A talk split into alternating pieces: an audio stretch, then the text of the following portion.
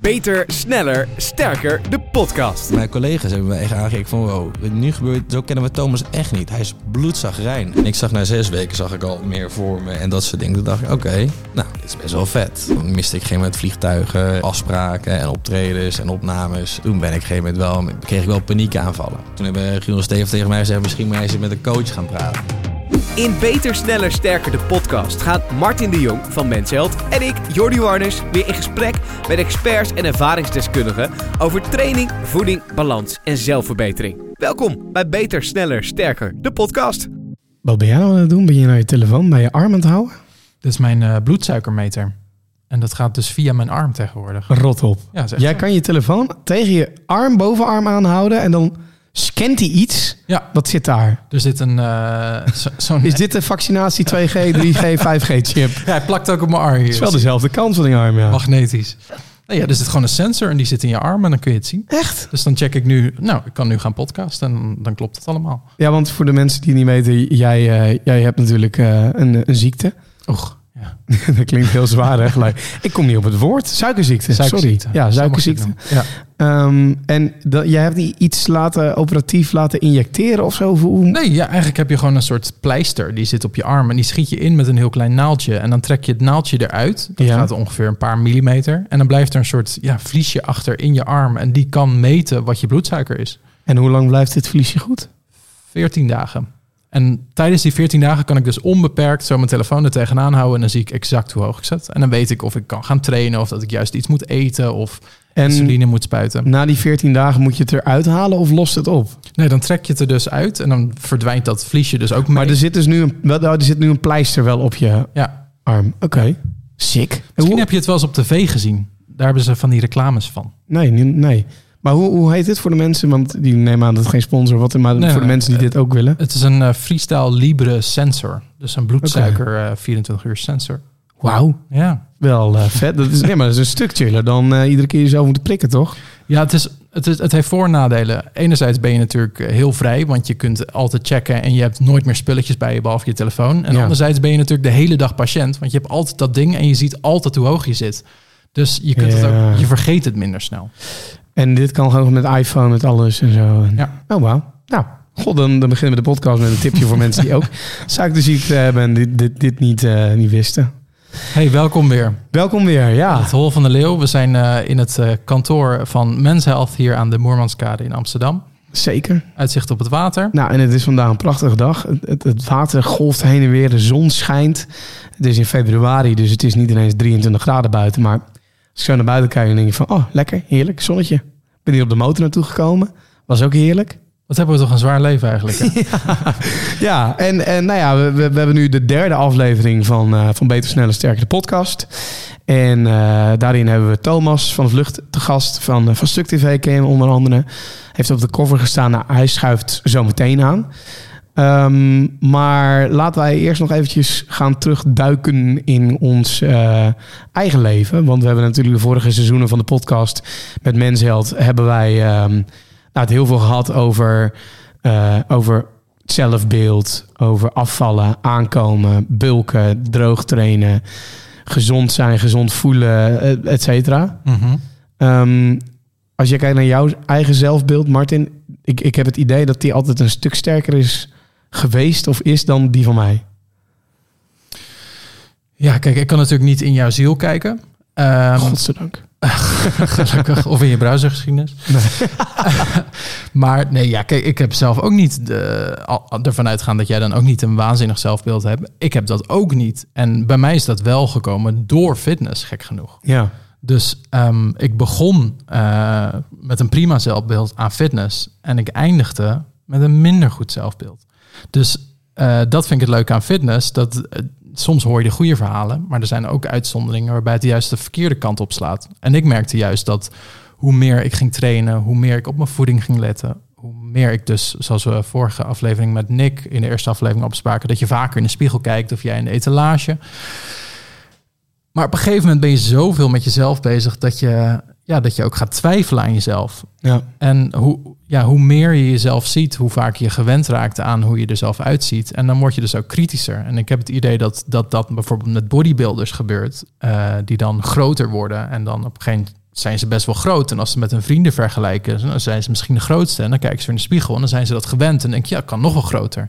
En dat hebben vrouwen misschien weer met lippen of met borsten of met billen. En elke keer wordt het zo een stapje groter. En datzelfde kun je ook met droger of gespierder of wat dan ook. Uh, sterker, dan denk je, oh, 200 kilo deadlift uh, spreek ik jou over een jaar. En dan zeg je, nou, wellicht wil ik wel 250. En die motor die je buiten hebt, vond je in het begin heel snel. Nou, op een gegeven moment. Nou, zo, Ja, zo, ja. zo blijf je een beetje doorgaan. En dat, dat is wel het, het mindere als je het hebt over zelfbeeld. Dat je, ja, je kunt je er zelf mee gek blijven maken. En wat is dan het moment dat je zegt van... Oké, nu is het toch wel weer goed genoeg. Ja, nee, ik denk dat je dat heel, eh, heel mooi omschrijft. Ik, ik heb het met het droog trainen. Ben ik natuurlijk een stuk zelfverzekerder. Ook met het afvallen, eh 32 kilo afvallen. Dat zorgde er wel voor dat ik een stuk zekerder werd van mijn uiterlijk fysiek. En, en, en daar gewoon wel bewuster mee bezig was. Ja. ik denk wel, en, en dat is nu bijvoorbeeld ook iets. En ik denk dat dat, ehm daar gaan we deze, deze aflevering nog veel meer over hebben. Ook goed ook, denk ik. Ehm, ik heb nu wel begin dit jaar besloten om eh, eh, een psycholoog op te zoeken. Ehm, om een traject te starten bij de huisarts. Wat al als een hele grote drempel voelde. Ja. Omdat eh, ik ook heel veel andere... Ik heb andere podcasts gemaakt en ook met andere mensen gesprekken gehad. En die zeiden van ja, weet je... Op het moment dat ik een psycholoog begon te zien... begon het allemaal gewoon wat chiller te worden. En eh, een psycholoog is niet voor gekke mensen. Nee, een psycholoog is voor jou en mij. Eh, ook als je niet met hele grote problemen zit... of met hele grote uitdagingen. Het is gewoon fijn om met iemand die er verstand van heeft... te praten over de dingen die je in je hoofd omgaan, weet je wel. Het is eigenlijk gewoon een hele goede gesprekspartner. Nou ja, we gaan met, ja, nou ja, we gaan met z'n allen wel naar de gym om daar eh, onze spieren te trainen, om, om krachtiger te worden en om gezonder te worden. Maar dat, daarbou- dat, daarboven moet, daar moet ook een sportschool voor zijn eigenlijk, toch? Ja. Je moet ook je, je, je, je, je hersenen kunnen trainen op een bepaalde manier. Nou, dat is het stomme. Je kunt dus een jaar lang bezig zijn met je lichaam. En dan is er geestelijk misschien wel niks veranderd. En, Nee. en dat vroeg ik me een beetje af, ook bij jou. Dat, dan ben je bijvoorbeeld 32 kilo kwijtgeraakt. Maar zitten al die kilo's van die, die er eigenlijk toe hebben geleid dat je al, die, al dat gewicht bent aangekomen. Zit die emotionele kilo, zit die er nog? Nou, ik denk het ergens wel. Ja, en, en eh, dat, dat heeft COVID ook niet, eh, niet makkelijker gemaakt. Die eh, aantal keren dat de sportschool dichtging en je aangewezen was op jezelf en op, op hardlopen. Of nou ja, wat ik ook in, in een vorige podcast zei. Ehm, dat heeft er ook wel voor gezorgd dat ik ook fysiek achteruit ging. En ook, eh, ook wat dikker werd weer. En ook weer wat meer kilo's erbij kreeg. En daar ben je zelf al niet blij mee. Maar ik weet ook nog, er waren een aantal keren... ehm, Eén keer stuurde iemand mij een DM op Instagram. En eh, die vertelde: eh, Hey Jordi, ja, ik, ik schrok toch een beetje. Ik zie dat je weer de oude Jordi aan het worden bent. En hoe heet dat? gaat het wel goed? En de- moet je niet meer sporten? En dat, dat soort dingen. Ja. En ik weet dat, en, en ik heb dit in een andere podcast, Day One met JJ Boske, die ik gemaakt heb, heb ik dit ook behandeld. En ik, ik, ik, ik was best wel fel, ben ik naar haar geweest. Was ook een haar. Ik, ik kende haar verder ook helemaal niet zo goed. Behalve dat ik wist dat ze af en toe reageerde op stories en gewoon me volgde. Ehm, en ik werd een beetje ja, fel tegen haar. Wel, wel op een nette manier, maar ik heb best wel een fel bericht gestuurd. Waarin ik eigenlijk zei van, joh, Vies vuil. Nee, nee, maar waar ik eigenlijk terugstuurde met... joh, luister, ehm, jij kan niet bepalen of ik weer de oude Jordi ben. Want de oude Jordi, die kent maar één iemand. En dat is Jordi zelf. Ja. En het is ook best wel... Het, het brengt best wel iets teweeg bij iemand... om tegen iemand te zeggen van... joh, je begint er slechter uit te zien. Ja. Want daar strukkelt diegene zelf al mee. Laat staan dat jij als wild vreemde... als vriend doe je dat al heel moeilijk.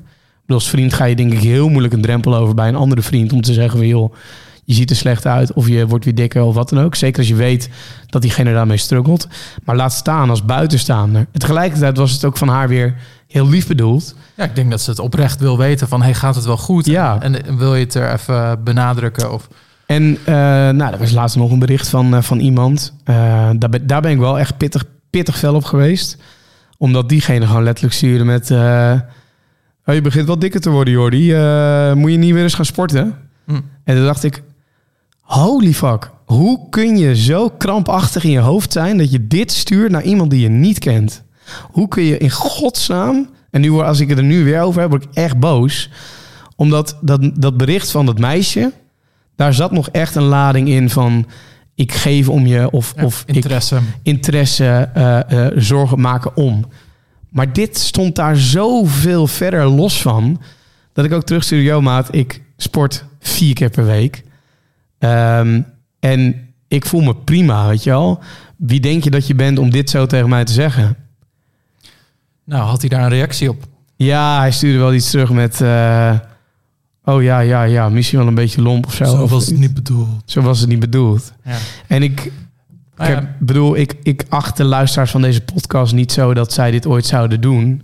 Omdat als je naar deze podcast luistert, dan ben je denk ik al heel erg bezig met gezondheid, met voeding. Ik heb vaak reacties gehad van luisteraars die zelf ook struggelen met dingen. ja, je hoort vaker de goede dingen dan de slechte dingen. Maar ik denk wel dat we hier met z'n allen wel gewoon ook een soort van les uit kunnen trekken. Dat, dat als iemand struggelt met gewicht en dergelijke, is dit niet de manier of zo. Weet je wel, je hoeft diegene daar niet op aan te spreken. Moedig iemand aan als je ziet dat het goed gaat, maar ehm, praat iemand niet dieper de put in op het moment dat je ziet dat het iets slechter gaat. En was er nog iets waarvan je dacht van, oh, misschien hebben ze wel gelijk en moet ik? Of was het op dat moment gewoon helemaal niet nodig? Nee, ja, jawel. Want ik, ik, ehm, ik werd ook wat voller, wat dikker in mijn gezicht. Maar tegelijkertijd dacht ik bij mezelf, ja, ik, dit is fucking kut. En, maar eh, ja, vind je het gek, weet je wel? Ik gunde mezelf ook een soort van, eh, nou, ik wil niet zeggen afglijmoment, maar ik gunde mezelf wel een soort van op adem komen moment. Ja. Want ja, de sportscholen gingen voor de derde keer dicht. Ja, corona is kut. Ja, we kunnen niks. We zitten opgesloten in ons eigen huis. En onze sociale activiteiten zijn ook minder geworden.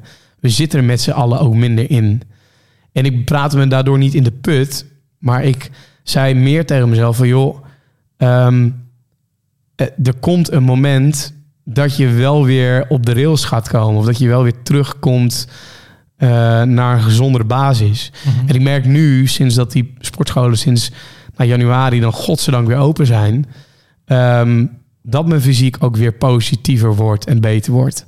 Ja, en misschien moet je er ook even aan wennen dat, je, ehm, dat het ook oké is als je even niet in je beste vorm aller tijden bent. Nou, en, en dat, zat ergens dus ook dat is in best me. moeilijk. Nou, maar ja, nou, het, het is moeilijk omdat, eh, tenminste, ik vind het moeilijk, omdat ik ben continu bezig met de meningen van anderen daarin. Ja. Dus ik, als ik mezelf zie, dan zie ik mezelf vanuit een derde persoon of zo, weet je wel. Dan denk ik, och jezus, wat zie je eruit? Of, och, oeh, dat en dit. Dat is ook de reden waarom ik ooit heel veel af ben gevallen, denk ik.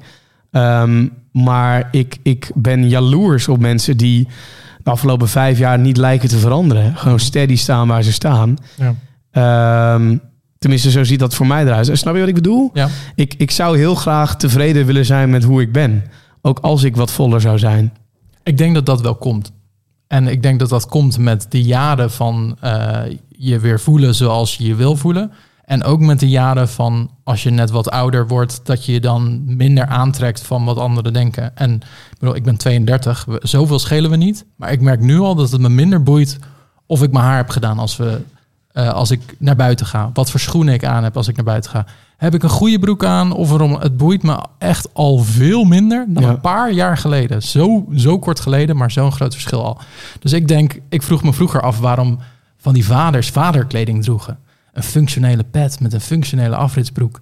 En nu denk ik, oh yo, een afritsbroek. Dat lijkt me best wel chill man. Je kan gewoon je broek en ineens heb je een korte broek. Terwijl, Als jij ooit een afritsbroek gaat aantrekken naar deze podcast... dan hebben we sowieso een probleem. dan hebben we echt een probleem. Maar dat is wel waar het op een gegeven moment naartoe gaat. Dus ik denk dat het een mix is van allebei. Maar het is misschien ook wel leuk om het te hebben over je zelfbeeld. En dat er ook manieren zijn om die te veranderen. Er zijn namelijk twee manieren, hebben ze onderzocht. Ehm, en de eerste manier is eigenlijk eh, de minst leuke manier. Dat is traumatische ervaring. Dus mensen die bijvoorbeeld een auto-ongeluk hebben gehad of iemand hebben verloren, die krabben zichzelf achterover en denken: dit moet anders. En op dat moment werk je al direct toe aan, aan een soort nieuw. Je ziet jezelf al in de toekomst hoe je moet zijn en daar werk je naartoe. En het tweede is een goal card. Dat klinkt super stom, maar eigenlijk schrijf je gewoon op een kaartje hoe je eruit ziet. De dingen die je moet doen om er zo uit te zien. Een voorbeeld van iemand die er al zo uitziet. En eigenlijk de wens, die spreek je uit eh, in woord en geschrift over hoe, hoe je dat voor je ziet. En door elke dag die kaart te lezen, werk je dat in je hoofd bij. En dat klinkt als iets wat je van een of andere crypto-coach op Instagram zou horen. echt wat een onzin. Maar oprecht, hier is onderzoek naar gedaan dat Ja. dit gewoon een manier is om dat te doen. Nou, ik zou niemand een traumatisch incident eh, aanpraten. Ehm, maar ik denk dat er zijn ook onderzoeken naar dat gasten die bodybuilder zijn geworden, vaker gepest waren, bijvoorbeeld op basisschool. Ja, precies. En of een gebroken hart, dat dat vaker een aanleiding was om te gaan sporten. En natuurlijk, ik wil niet zeggen dat een auto-ongeluk of gepest worden, eh, dat dat ene zwaarder is dan het ander. Maar dus ook op andere schalen, dus een gebroken relatie kan ook alweer genoeg zijn om eh, de teugels aan te trekken. Dus ja, eh, niet om iedereen tips te geven van zoek traumatische incidenten op, maar meer van hey, kijk ook naar de andere manieren. Zoek eens op een goalcard en kijk wat dat voor je kan doen. Maar wat je net ook zei over ehm, dat je misschien ook vanwege eh, uiterlijke redenen eh, van, vanuit verwachting van anderen veranderde. Toevallig had ik afgelopen weekend een filmpje gekeken waarin iemand zich uitsprak over topsporters. En dat bijvoorbeeld Michael Jordan was niet bezig met zelf de beste worden. Die was bezig met de allerbeste worden in de ogen van anderen.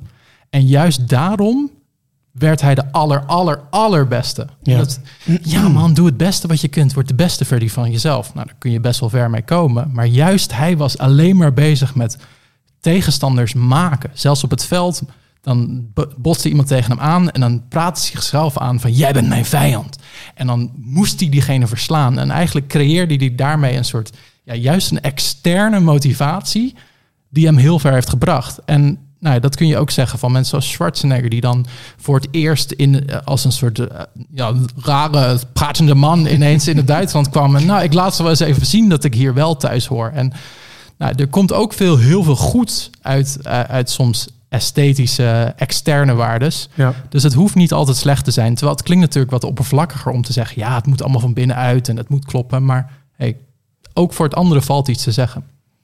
Wat mooi. Ja, toch? Ja. Mag het ook wel eens een keer geroepen worden? Nee, absoluut. Maar en, en ik denk ook wel dat ehm, het taboe van psychologie, en dat gaat het gelukkig ook wel hoor. De laatste tijd heb ik het idee, zeker sinds dat corona er is, mensen ook veel meer bezig zijn met wat doet deze hele situatie nou eigenlijk mentaal met me.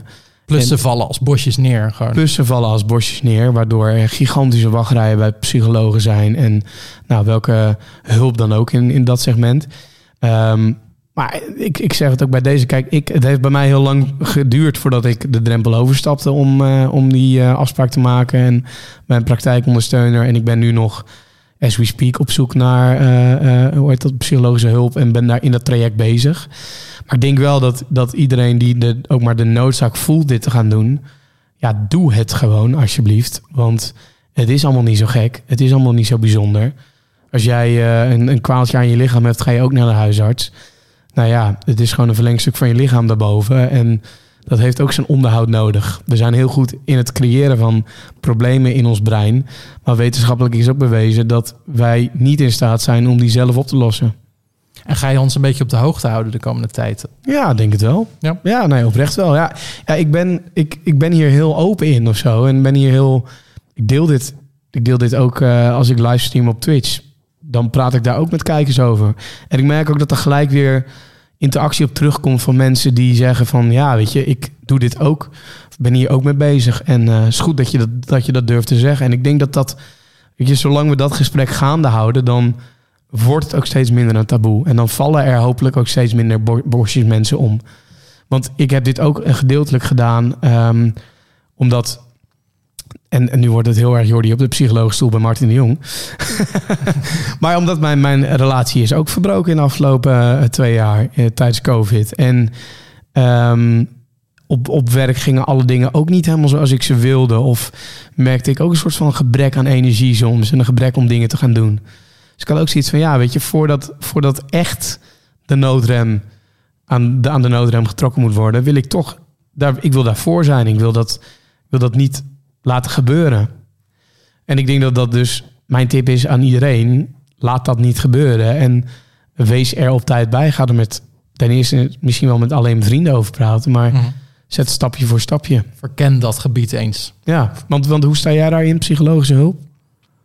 Ehm, ik heb het tot op heden nooit echt gebruik van gemaakt. Omdat ik ook niet de noodzaak voelde eh, dat het moment eh, daar was om er wel gebruik van te maken.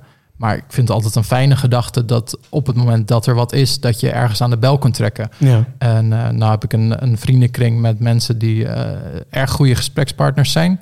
Uh, en ook mijn vriendin thuis is dat ook. Dus als eerste zal ik altijd daar naartoe gaan. Heb ik ook hoor, dat, heb ik ook, dat doe ik ook. Ja, en dan ja, is dat een vervolgstap. Maar ik, ik, ik heb hetzelfde als met sportschool. Ik heb nog nooit gehoord dat iemand spijt had van naar de sportschool gaan. En datzelfde heb ik ook met de psycholoog. En ik heb wel gehoord dat ze bijvoorbeeld nog even moesten zoeken naar de juiste persoon. Dat er even een mismatch was. Ja. Maar ja, zoek daar ook gewoon naar. Geef het niet gelijk op bij één persoon van... hey, dit was niet mijn Nee. vibe en nu moet ik het maar voor de rest van mijn leven zonder doen. Ja, investeer daar ook je tijd in. Het is hetzelfde traject als met de sportschool. Dan ben je ook niet van één eh, dag op de andere dag gespierd. En eh, ben je bij je doel beland. Daar ben je ook naar op zoek. En hebben we nu een bruggetje gevonden naar onze eh, tafelgast van zometeen? Nou, dat denk ik wel. eh, want eh, Thomas, die je kent van onder andere Stuk TV... die, eh, die heeft een, een behoorlijk half jaar achter... een behoorlijk heftig half jaar achter de rug gehad, denk ik. Ja. Eh, waar ik in ieder geval mijn petje voor afneem. Ik bedoel, hij, eh, hij is gaan trainen voor de cover van, van Mensheld. Ehm, dat is natuurlijk al eh, vrij heftig. Dat, dat hebben we ook bij Nick Schilder gehad eh, in de eerste podcast, hoe heftig dat kan zijn. Maar in datzelfde half jaar werd hij ineens helikopterpiloot. Gewoon echt helikopterpiloot. Exact. Eh, eh, heeft hij een, eh, een, een hitnummer gemaakt, zeg maar. Een liedje gemaakt ook nog waar hij op aan het zingen was. Dus, dus heeft hij die serie gemaakt voor, voor Stuk TV. Ja. Tegelijkertijd moest hij het allemaal ook nog eens geheim houden voor het grootste gedeelte van zijn omgeving. Ehm, hij is nu ook nog de bachelor. dus deze man die, die, die, nou, die beschikt over of eindeloze tijd... of over een soort van eindeloze drive om ehm, ja, dingen te doen waar die, waar die wil komen of zo. Snap je? Ik zeg het een beetje vaag. En ik heb, ik heb Nou, ook een idee... van die doelen kiezen voor, eh, voor een half jaar was al voldoende geweest. Nou, als je zou zeggen, ja. weet je, eh, wat heb je afgelopen half jaar gedaan? Als je een vriend weer spreekt en zegt, nou, weet je, ik ben helikopterpiloot. Helikopterpiloot? Ja. Bizar, vertel eens. En Heel veel mensen zouden dat- één van een ding al, al Precies. bizar vinden om, eh, om te bereiken. Laat staan alles wat hij bereikt heeft. En ik heb ergens ook het idee, en dat ga ik zo meteen wel aan hem voorleggen, dat hij ehm, die, die drive, die, dat hij die gevonden heeft ergens afgelopen twee jaar misschien wel. Want Thomas was altijd al lekker bezig en was altijd al met dingen bezig, maar Jij ziet een soort scherpere Thomas of zo. ja. Ja. Dus eh, dat kunnen we hem allemaal gaan vragen, want hij is hier aangeschoven. Thomas. Welkom. Dank jullie wel, heren. Ja, je, je hebt het niet gehoord, maar we hebben je al helemaal geïntroduceerd en eh, de hemel ingeprezen. en we hadden het ook weer tegelijkertijd een stuk minder ongemakkelijk voor je gemaakt. Dus Ja. dat is ook weer fijn. Heel chill. Eh, welkom in Amsterdam. Dankjewel. Jij Zo. was net in de gym, Ja, heb bij, ik me laten vertellen. ja, zeker. Ik was net bij de coverpresentatie van Iris Endhoven. Want die staat nu op de voorkant van eh, Women's Health. En eh, ja, super trots op haar dat ze dat gewoon even geflikt heeft. Dat vind ik echt goed. En wat Ja, moest jij doen dan? Eh, ik was haar natuurlijk op de sporten. En eh, naar nou. het resultaat te kijken. Nou, ik vind dat wel heel leuk. En eh, we hebben, nou, ik wil niet zeggen dat we samen het idee hebben geopperd. Maar eh, we hebben het daar wel over gehad toen ik op de koffer stond. Dus zeker Iris, misschien is dat ook wel wat voor jou. En, eh, dus, en eh, nou, ze zijn aan de slag gegaan. Ze heeft het heel goed gedaan. Ik vind het ook mooi, want ze heeft ook dezelfde blessure gehad die ik had met mijn knie. En dan eh, nu daar eh, weer ja, volle bak fit zijn, is echt wel een prestatie. Ik vind het wel grappig, want jij komt hier een beetje verstrooid binnen. Dat kan je wel stellen. en jij gooit als laatste zin, vlak voor die opname ingaan... Ja, eh, mijn hele ritme is ook vandaag heel gek, heel, heel weird. Maar dat insinueert wel dat jij normaal gesproken dan dus wel een ritme hebt... Een waarbij ritme. je, nou ja, een ritme, maar waarbij je je wel chill voelt dan. Ja, ja. Los van ik vandaag. vind eh, ritme heel belangrijk. En dat is ook wel iets wat ik heb overgehouden aan het hele traject voor eh, de mensheld eh, cover trainen. Want toen zat ik in ziekritme. S ochtends wegen, opstaan, sporten. eh aantal uren wat je slaap bijhouden. En toen stopte ik daar opeens mee. Toen dacht ik, fuck, ik mis iets. En eh, toen dacht ik van, hé, hey, ik moet gewoon weer zo'n schemaatje maken. Ik moet gewoon blijven wegen. Ik moet mijn eten gewoon een beetje bij blijven houden. Want ik, daardoor eh, had ik wel veel meer energie om al die dingen te doen. En vandaag is een dag dat ik een beetje van hot naar her ga en dingen tussendoor toe, maar geen ritme, weet je wel. En ik vind het wel lekker om gewoon een ritme te hebben dat je aan je werk gaat, daar ga je werken, eten, drinken. Dat is wel fijn als je een beetje een vast schema hebt. Dan heb je het idee dat als je er bent, dat je er ook vol voor gaat op dat moment, omdat je alles verder hebt afgevinkt, zeg maar. Ja, zeker. En ehm, als je dan kijkt hè, naar dat, dat het half jaar, we hadden het er net in het intro hadden het al even over gehad. Ehm, je hebt niet alleen maar droog getraind voor die covershoot. Je bent eh, helikopterpiloot geworden. je hebt een, eh, een nummer gemaakt. Eh, dat alles moest ook nog eens geheim blijven. Ja. Ehm, hoe de fuck doe je dat? En het grappige is, ik, ik, heb, ik ken wat mensen die bij jullie achter de schermen ook werken. ja. Ik was toch benieuwd. Ik had het allemaal een beetje gezien, gevolgd. En nou, de, de aflevering ook gekeken. ik dacht bij mezelf, hoeveel is hier legit echt van? En toen kwam ik er al heel snel achter dat het ook gewoon legit echt was. Ja. Eh, dat het ook heel heftig is geweest. ja. Ehm, hoe kijk je daar zelf op terug? Inmiddels heb je dat al kunnen doen? Erop terugkijken? Ja, het is één gek eh, half jaar. Mijn collega's die ervan wisten dan, die mij de productie deden, de redactie, die zeiden ook van, dit slaat helemaal nergens op.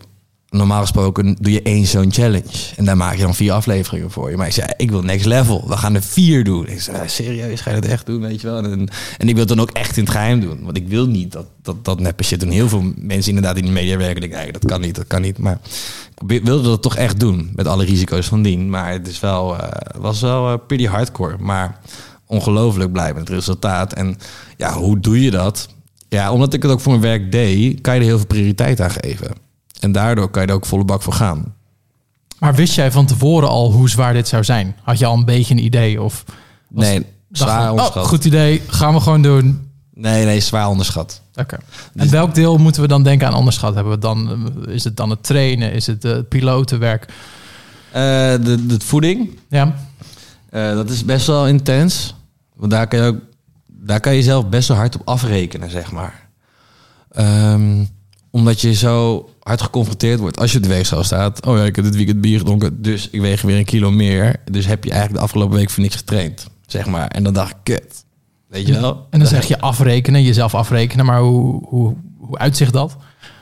Nou, dat, je, je hebt een bizarre druk. Je wilt een goede video neerzetten. Je wilt je Ja. collega's verbazen. Die reactie moet verbluffend zijn, want daar draait het eigenlijk helemaal om. En je wilt een goede cover, want dat doe je eigenlijk maar één keer in je leven. Dus die druk ligt heel hoog. En je, dus je moet het heel goed doen. En als elke tegenslag die je krijgt, die komt twee keer zo hard aan. Dus dat was wel eh, pretty hardcore. Maar eh, ja, je zag ook wel verschil. En je, je had nog tijd. En dan overlegde je met de trainer. En is nou, dat gaat goed komen. Maar je, moet nu, je kan nu niet meer nog een week, eh, eh, zeg maar, voor spek en bonen dingen doen. En als we dan eens teruggaan naar de basis, hè, want je begint aan dat half jaar, deze plannen worden gemaakt, Ehm, die komen allemaal uit uiteindelijk. Ik heb het idee, en dat zei ik ook net tegen Martin, dat het een soort van eh aangescherpt Thomas ineens heeft losgemaakt. Want ik ken jou helemaal niet heel goed. Maar ik volg je alleen online. En, en jij weet ook, je staat bij heel veel mensen ook een beetje... Nou, eh, eh, als de eeuwige student in het hoofd ge- gegrift. Was dit voor jou een soort van moment om te laten zien ook van... Ik ben veel meer dan dat. Of ik wil dat imago kwijt. Of, ik- of ik... Kan ook naar jezelf toe natuurlijk. Precies. Ehm, ja, is, is, ik voelde soms wel een soort van Thomas 2.0, zeg maar. Omdat je, ik ben wel meer volwassen geworden. Weet je wel, ik heb natuurlijk best wel lang inderdaad dat studentenleven geleid. En ik stond echt een beetje YOLO in het leven van... Oké, nou, ik eh, moet elke dag genieten. Elke dag leven alsof het de laatste is. Op een gegeven moment ben ik toch gaan kijken van... Nou, dat is ook weer niet zo. Weet je wel, je mag, kan ook wel op lange termijn gaan kijken. En hoe kan je doelen stellen op lange termijn? En hoe kan je dan meer uit jezelf halen? En dan ga je opeens anders naar je ritme kijken. En hoef je dus niet vier keer per week in de kroeg te staan. En ik denk dus misschien ook omdat we juist in eh, die pandemie zitten, in die lockdown, dat, dat je automatisch, ja, we moeten automatisch met z'n allen rustig gaan doen. Dus we kunnen even uitzoomen. We kunnen verder vooruit kijken. Want we kunnen niet meer maximaal elke dag gaan. Dus dat heeft misschien wel voor gezorgd dat ik wat, wat durfde, verder durfde te kijken. Van wat ga ik hierna doen? Wat, is na, wat, wat gebeurt er na deze pandemie, zeg maar? Je ging plannen maken. Speelt ehm, een, een vriend van jou, volgens mij Mark Tuitert, speelt hij daar ook een rol in?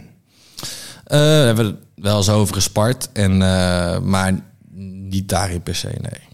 Wat was dan de, de omslagpunt? Of met wie heb je het dan op een gegeven moment over, over het leven? Of sla je bij jezelf de slag dat je denkt van nou, nu gaan we dan ook echt dit doen? Nou, ik heb dan ik ben een mental coach. Eh, Joost Leenis, die doet ook veel topsporters. En die, eh, daar spar ik dan af en toe mee. En die zegt wel van, ja, we hebben het dan vaak over dit soort dingen. Waar sta je nu? Waar wil je heen? En eh, we kregen dan eh, binnen Stuk TV gaven we elkaar de kans om eigen serie te maken. En dan dagen we elkaar uit. Want wij zijn alle drie makers en willen allebei een vette serie maken. Weet je, de ene wil nog beter dan de ander. Dus je wil jezelf bewijzen voor je maten eigenlijk. Dus Giel kan met de ve- vette serie, Steven kan met de vette serie. Ja, kut.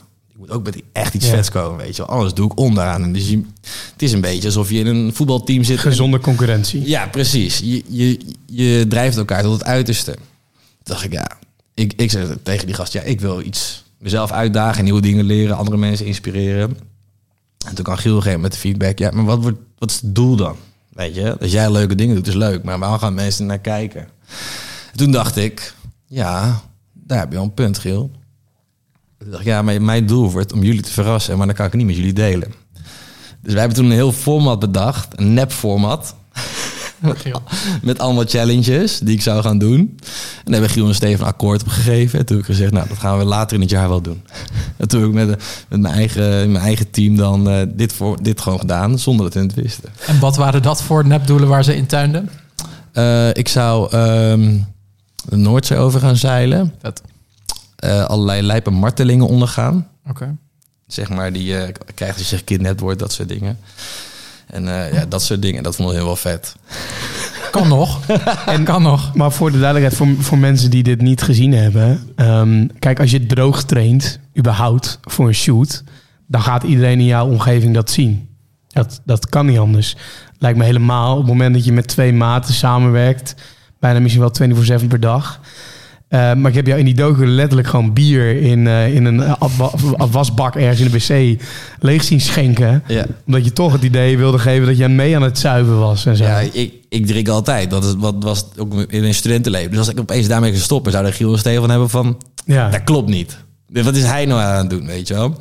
Maar volgens mij, Giel had wel door dat ik aan het afvallen was. Want je zag gewoon echt in mijn gezicht. En Stefan, ja, die is er niet, niet zo mee bezig. En ik denk, dat die Tomische sport altijd. Dus het zal wel. Maar, dus ja, Giel heeft denk ik wel wat gezien. Maar dat niet door dat het zo ver zou gaan. Maar ben jij de sportiefste ook van de drie?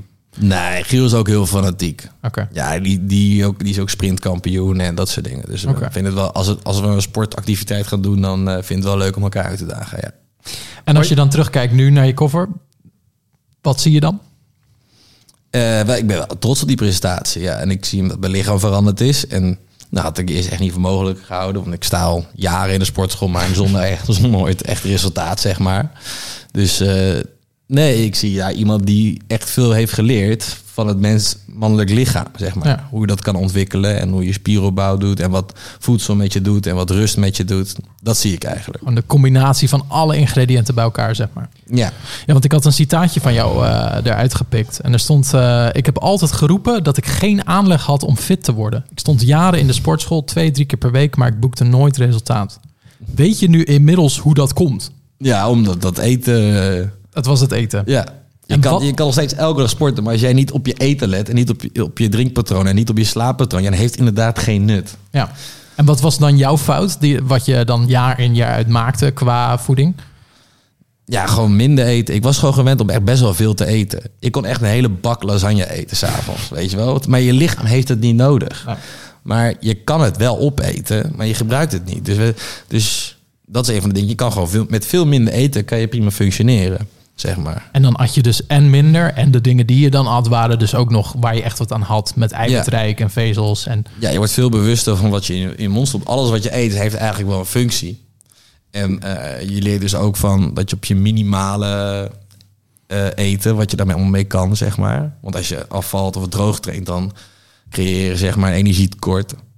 En eh, ja, dat is wel heel grappig. Ik had ook op een gegeven moment ook zo'n zo'n soort Fitbit horloge die me bijhield hoeveel calorieën ik verbrandde. En ik hield dan op mijn app bij hoeveel calorieën ik at. Dus ik kon eigenlijk een soort van uitrekenen wat ik de volgende dag zou wegen. Dat is wel lijp hoor. hij zat er goed in als ik het zo hoor. Ja, heerlijk. Het klinkt allemaal heel herkenbaar. Dan ben je wel inderdaad. echt aan het doorslaan. Ja, ja en, dan is, en, en, en dan zeg je eigenlijk net al... ehm, ehm, dat, dat, dat zat erop en nu. Wat, wat heb jij bijvoorbeeld... Wat, wat doe je nog uit die tijd? Vroeger. Ja, dat je aan het droogtrainen was. was. Wat doe je nu nog? Wat Nou, ik, weeg nog best wel regelmatig. Zeg maar, want dat vind ik gewoon interessant om bij te houden.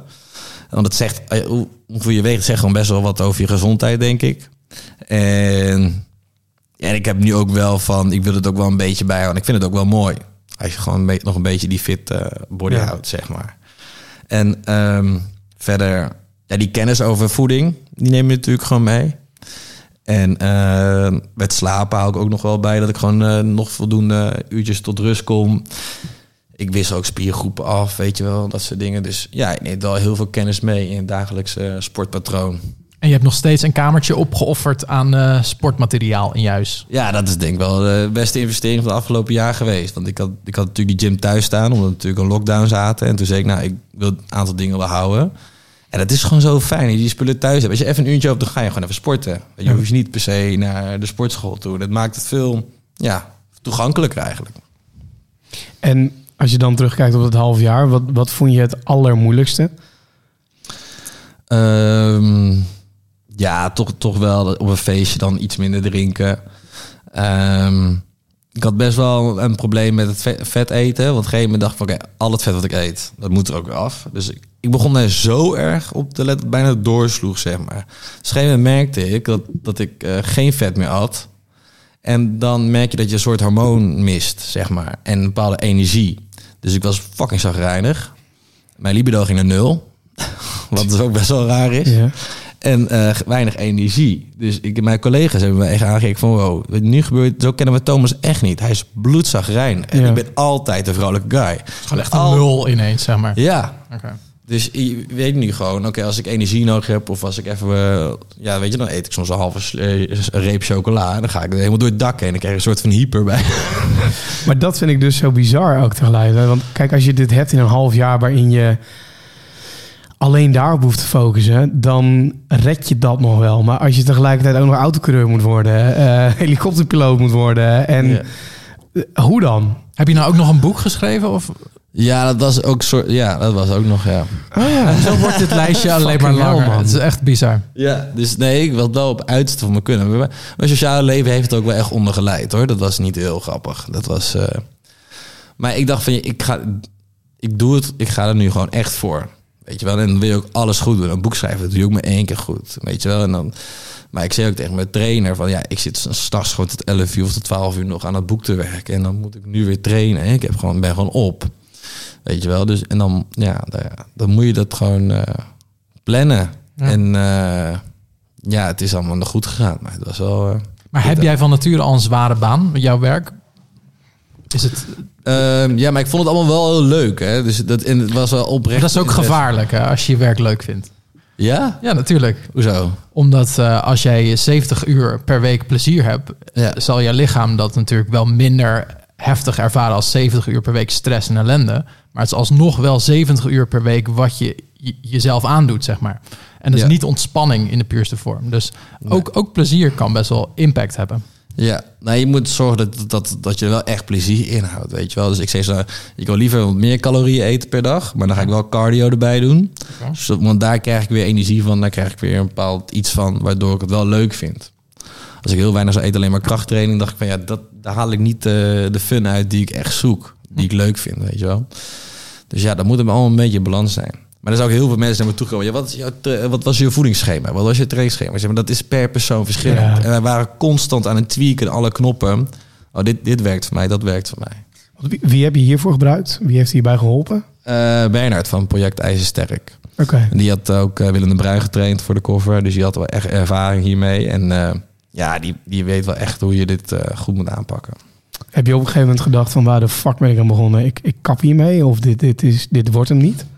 Ja, wel vaak gedacht. Maar het, het- je krijgt ook wel je motivatie omdat je resultaat ziet. En ik zag na zes weken zag ik al meer voor me en dat soort dingen. Toen dacht ik, oké, nou, dit is best wel vet. Weet je wel? En in de laatste fase waren we ook best wel ready al. Oké, maar kunnen we misschien nog een stapje verder gaan? We zijn nog een stapje verder gegaan. En dan ga je jezelf ook uitdagen. Maar omdat je resultaat ziet, motiveert dat ook wel. Want wat zei hij toen hij jou voor het eerst ook weer zag? Want wij zaten, wij als mensheld hadden jou gezien en wij zeiden allebei van wow, dat komt wel goed. Hij heeft goede schouders. Je ziet er eigenlijk al best wel goed uit. Alleen alle definitie was Ja. nog niet helemaal zichtbaar. Wat was zijn visie ook weer? Ik weet het niet meer precies. Maar ik had gewoon een beetje het lichaam van een gemiddelde student, denk ik. Nou, dat doe je zelf misschien nog mee tekort. hè? Hij zat, hij, hij- jullie waren allemaal redelijk positief. Ja. Maar ik vond het wel meevallen. Ik vond het wel echt eh, dat we een hoop moesten veranderen, zeg maar. Ja, want we hebben een paar covers waarvan we zeggen van... oh, dat zijn mensen die het echt heel goed hebben gedaan. En ik, Henry Schut is voor mij zo eentje dat je echt denkt... holy shit, hoe heb je dit geflikt? Maar wat jij en Bernard hebben gedaan... daar kan ik ook met mijn hoofd echt niet bij. Dus dat het ook even gezegd is... dit is niet zomaar een covertje die we voorbij hebben zien komen. Dit is echt een transformatie tot het hoogste niveau, zeg maar. En ehm, wij hebben met, met Nick Schilder de eerste aflevering eh, opgenomen. Nou, die, eh, die stond recent nog op de cover. Eh, fully vegan. ehm, maar wat mij eigenlijk het meest, ehm, ja, wat, wat me het meest verraste, is dat in die podcast, wat echt al, nou, jij weet het eh, precies, Martin. Hoeveel weken na die shoot hebben we die podcast met Nick gedaan? Dat is eh, nog geen maand daarna. Nee, hij kon in een week cover ready zijn. Ja. Binnen een week. Ja. Kun jij je dat voorstellen, Thomas? Hij is in een week cover ready geworden. Nee, dus, dus hij, heeft- was klaar en toen een maand later was hij Ja. nog steeds zo goed in shape dat hij een week later weer op de cover had kunnen staan. Oh, joh, echt? Dus hij heeft Ja. nooit die fase gehad van compleet weer overboord gaan en eh, naar de Mac Drive en dan gewoon rondjes rijden totdat je kot, zeg maar. Verzin het ter plekke hoor. Oh, ja. Maar kun, je- kun jij je voorstellen als je zo kijkt naar je eigen traject? Omdat weer... eh, nou, ik heb dan eh, nu dan als ik programma's doe, dan soms dan bijvoorbeeld voor de Bachelor. Hij zei, nou, het zou wel leuk vinden als jij weer een beetje fit body bent. Ja. En dan kan, het, dan kan ik anderhalve maand eh, sporten, een beetje dieet. En dan heb je dat wel weer een beetje te pakken. Het is niet dat- het zit jij niet- zonder shirt in die serie? Ja. Maar het is niet... Kijk, zo droog was bij die fotoshoot. Nee, en dat, dan dat heb, is ook niet gezond. hè? je hebt een depletietraining en zo. En dan krijg je een heel ander soort eh, shape. De wat voor training? Depletietraining. Wat is een depletietraining? Dan eh, doe je eerst koolhydraatarm dieet. Ja. En dan, eh, dan doe ik maar een week voordat je op de cover gaat, doe je allemaal koolhydraten laden, zeg maar. En dan, zuigen die spieren ervoor helemaal vol. En dan kan je ook nog een watercut doen. Dat hebben wij niet gedaan. Omdat eh, mijn spieren daar niet goed op reageerden. Oh, ja. En dit zijn dingen die moet je echt alleen met een coach doen. ja, ja. Want als hij dit nu zelf op Google een beetje had gevolgd. Oh, ik moet nu heel veel koolhydraten gaan eten. En dan, en dan gewoon dat maar ging doen. Oh, nu moet ik water laden. Zo, ik weet niet waarom ik je ineens als braaf... dat, heb jij, dat heb jij vaak Ja, dat je dat dat- doet. Ik weet ook niet. Dat Nee, nee, nee. maar dat zou het niet werken. Dus dat, dat is wel... eh, Ik heb een dat goed goede met jou gedaan trouwens. Weet ik nog. Die week daarvoor. Ja, we hebben wel samen een beetje gekeken We hoe dat goed kon. We hebben niet eh volledige koolhydraten helemaal geskipt. Geloof ik. Wel iets, steeds iets minder. Maar we hebben één dag heb ik geen water gedronken. En eh, ben ik heel veel koolhydraten gaan eten. Weet ik nog. Die winegums en zo. En, Ja. eh, het En heeft pizza. gewerkt en dat was een subtiel eh, veilige variant, zeg maar. Ja. En sommigen doen het met winegums en anderen die eten weer rijst. Wat, wat moet jij eten voor je koolhydraat? eh Heel veel pannenkoeken gegeten. pannenkoeken. Met stroop. Oh, en dat is oh. echt fantastisch. En dan eerst dus twee, drie dagen volgens mij geen koolhydraten. En dan, en dan, eh, dan, dan ga je dus een soort van training doen dat je heel veel herhaling met licht gewicht. Maximale verzuring. En daarna ga je die koolhydraten laten. Ik vond het lijp interessant hoe dat werkt. En je zag het gewoon veranderen ter- terwijl, terwijl je bezig was ook. Of? Ja, ja de, de volgende dag zie je dat dan best wel volgens mij. Ja, ja, ik vond het wel. En dan heb je nog een week onderhoud, zeg maar. En toen eh shoot ready. Maar het is wel... eh, En heb jij ook, eh, want ik denk dat we nu ook een aantal luisteraars hebben die misschien niet zozeer de rest van de aflevering van onze podcast geluisterd hebben, maar jou ook vooral volgen. oh ja. Ehm, heb jij ook de trucjes met de, de, het flesje vodka, eh, de Snickers op de shoot day, dat gedaan? Ja, ze, ze hebben mij wel wat slok, eh, slokjes eh, whisky gegeven bij, bij de shoot, zodat je dan meer aders... maar ik was daar niet blij mee, achteraf. Nee? Nee, want ik probeerde met de fotograaf echt wel een, een ding te creëren. Want ik dacht, ja, ik heb fucking hard gewerkt hiervoor, weet je wel. We gaan niet echt even een lijpe foto neerzetten. En we waren een beetje aan het sparren, maar er waren heel veel prikkels. En ook nog alcohol in mijn bloed. En ja, je eet niet heel veel op dat moment. Dus ik was echt een beetje wazig. Dus ik dacht, dat had ik helemaal niet moeten doen. Ik wilde gewoon scherp zijn, weet je wel. En ik, minimale effect sowieso, denk ik. Maar je stond wel op alle foto's, sta je lachend erop. Maar niet gewoon een klein glimlachje of zo. Maar echt, je staat echt te genieten. En eh, dat zal niet de alcohol zijn. Maar wat maakt het dan dat je zo blij was toen je daarop stond? Of is het gewoon jouw natuurlijke modellentalent? Nee, ik lach sowieso. Ik vind altijd lachen wel leuk. Ik ben niet zo van badass kijken en het poseren. En ik vind ook, ja, ik ben wel iemand die positieve energie wil uitstralen. En ik was gewoon wel echt blij. die was, dat was wel het moment waar ik naar lang heb naar uit heb gekeken. En het idee dat ik daarna lekker hamburgers kon gaan vreten. was echt top. Wat is het eerste wat je gegeten hebt die dag? Eh, hamburgers en bier. Gewoon gelijk ook. Ja, ja. Fucking goed. Maar kun jij Marten uitleggen wat, wat, dat, wat die alcohol en die dingen doen? Want ik merk dat als ik het vertel over mijn eigen dag, soms aan mensen, dat mensen echt denken, wat? Hè? Alcohol en chips en Alcohol chocola. en, en chocola en wat doe je? Wat, wat, wat houdt dat op zo'n zo'n gemiddelde shootdag in? Want Thomas heeft het gedaan, eh, ik heb het voor die shoot gedaan. Mhm. Het, volgens mij doet eigenlijk iedereen het, denk ik. Ja. ja, het gaat sowieso niet om hele glazen vol. Hè. Dus wat, wat je bijvoorbeeld... We zitten niet te, zit niet te zuipen. Nee, als je zo'n minibar flesje zou hebben, die zou bij wijze van spreken niet eens opgaan. Het is eerder één shot alcohol. En wat er eigenlijk gebeurt is op dat moment ben je al best wel uitgedroogd. En dan giet je dat erin en dan zwellen je aderen op. En Ja. dan verdwijnt ook nog het laatste beetje vocht eromheen verdwijnt, waardoor ze en droger erop staan en voller staan. En eh, wat het ook nog kan doen, is dat het je een soort extra rush geeft. Dus als je een beetje uitgedroogd, afgemat op die shoot staat, dan heb je ook nog ineens die extra energie. Je lichaam verandert en dan is de cirkel rond. Maar als het in jouw geval te veel was en dan was je even niet in je focus of je raakt even die fotograaf kwijt, ja, dan kan ik me voorstellen dat je er uiteindelijk niks bij gewonnen hebt. Terwijl esthetisch had het natuurlijk wel effect gehad. Mhm. Maar ja, het, het is niet per se nodig of zo. Het is En niet die suiker en die, die, die, die chocola. En... nou, de- ja, dat, dat is een gekke mengsel. Ik, ik ben zelf geen personal trainer op dat gebied. Dus wat chocola exact doet, dat weet ik niet. Maar bijvoorbeeld de Red Bull is er eentje. Dan, dan is er extra cafeïne. Dat is eigenlijk hetzelfde effect als alcohol, maar dan zonder de alcohol. Dan heb je suikers, waardoor je spieren weer iets opzwellen. Want die trekt gewoon in je spier. En dat trekt ook weer een deel vocht weg. Want je bent al uitgedroogd. En dan moet dat vocht toch ergens vandaan komen. En dan trekt hij dat uit de huid. In plaats van dat het al in de spier zit. En dat is eigenlijk een soort gekke formule van allerlei dingen. Maar als je gewoon maar alles gaat toevoegen, wordt het chaos. Dat, dat werkt gewoon niet. Dus Stralen zo op de shoot. Gewoon lachen. Nee, Ik zou die al, ik weet niet of ik dat zou aanraden. nee. Zeg maar. Als je, als je voor zo'n foto bent. Maar ik, ik als mensen vragen van oké, hoe kan ik dat voor elkaar krijgen? Weet je, wel? ik zou, ik zou wel naar een soort challenge toe trainen, weet je wel. Of dat je zegt met dat je zelf zegt, nou, ik wil over vier maanden een fotoshoot doen. Ook al is maar voor jezelf, maar dan heb je wel een zieke stok achter je deur. Dat helpt wel. En wat is dan voor jou nu de stok achter de deur? Eh, nee, ik, ik ben nu ook op zoek naar nieuwe challenges. Dus we hebben Ja. toevallig eh, van de week eh, werd ik uitgevraagd door mijn broer. Die is net begonnen met hardlopen. Die heeft de smaak pakken. En die zegt, nou, we gaan binnenkort met alle broers en zussen 14 kilometer rennen. Ik zeg, nou, dat vind ik leuk. Ja. Weet je wel, dan ga je daarvoor trainen. Of ik ben nu ook aan het kitesurfen. Dat vind ik ook vind het leuk om daar beter in te worden. Dus dan ga ik, nou, maar ik merk dat mijn benen verzuren. Dus dan ga ik meer mijn benen trainen. Dus, maar moet het een werkdoel weer zijn? Of wil je het gewoon privé, gewoon iets met sport? Nee, privé. Oké. Dat, dat, in de sportschool staan alleen maar voor je fysiek trainen, voor de lol. Ja, dat, dat is eigenlijk, dat is wel, dat merkte ik dat dat niet echt werkt. Het helpt wel echt als je, een- als je een doel hebt, denk ik.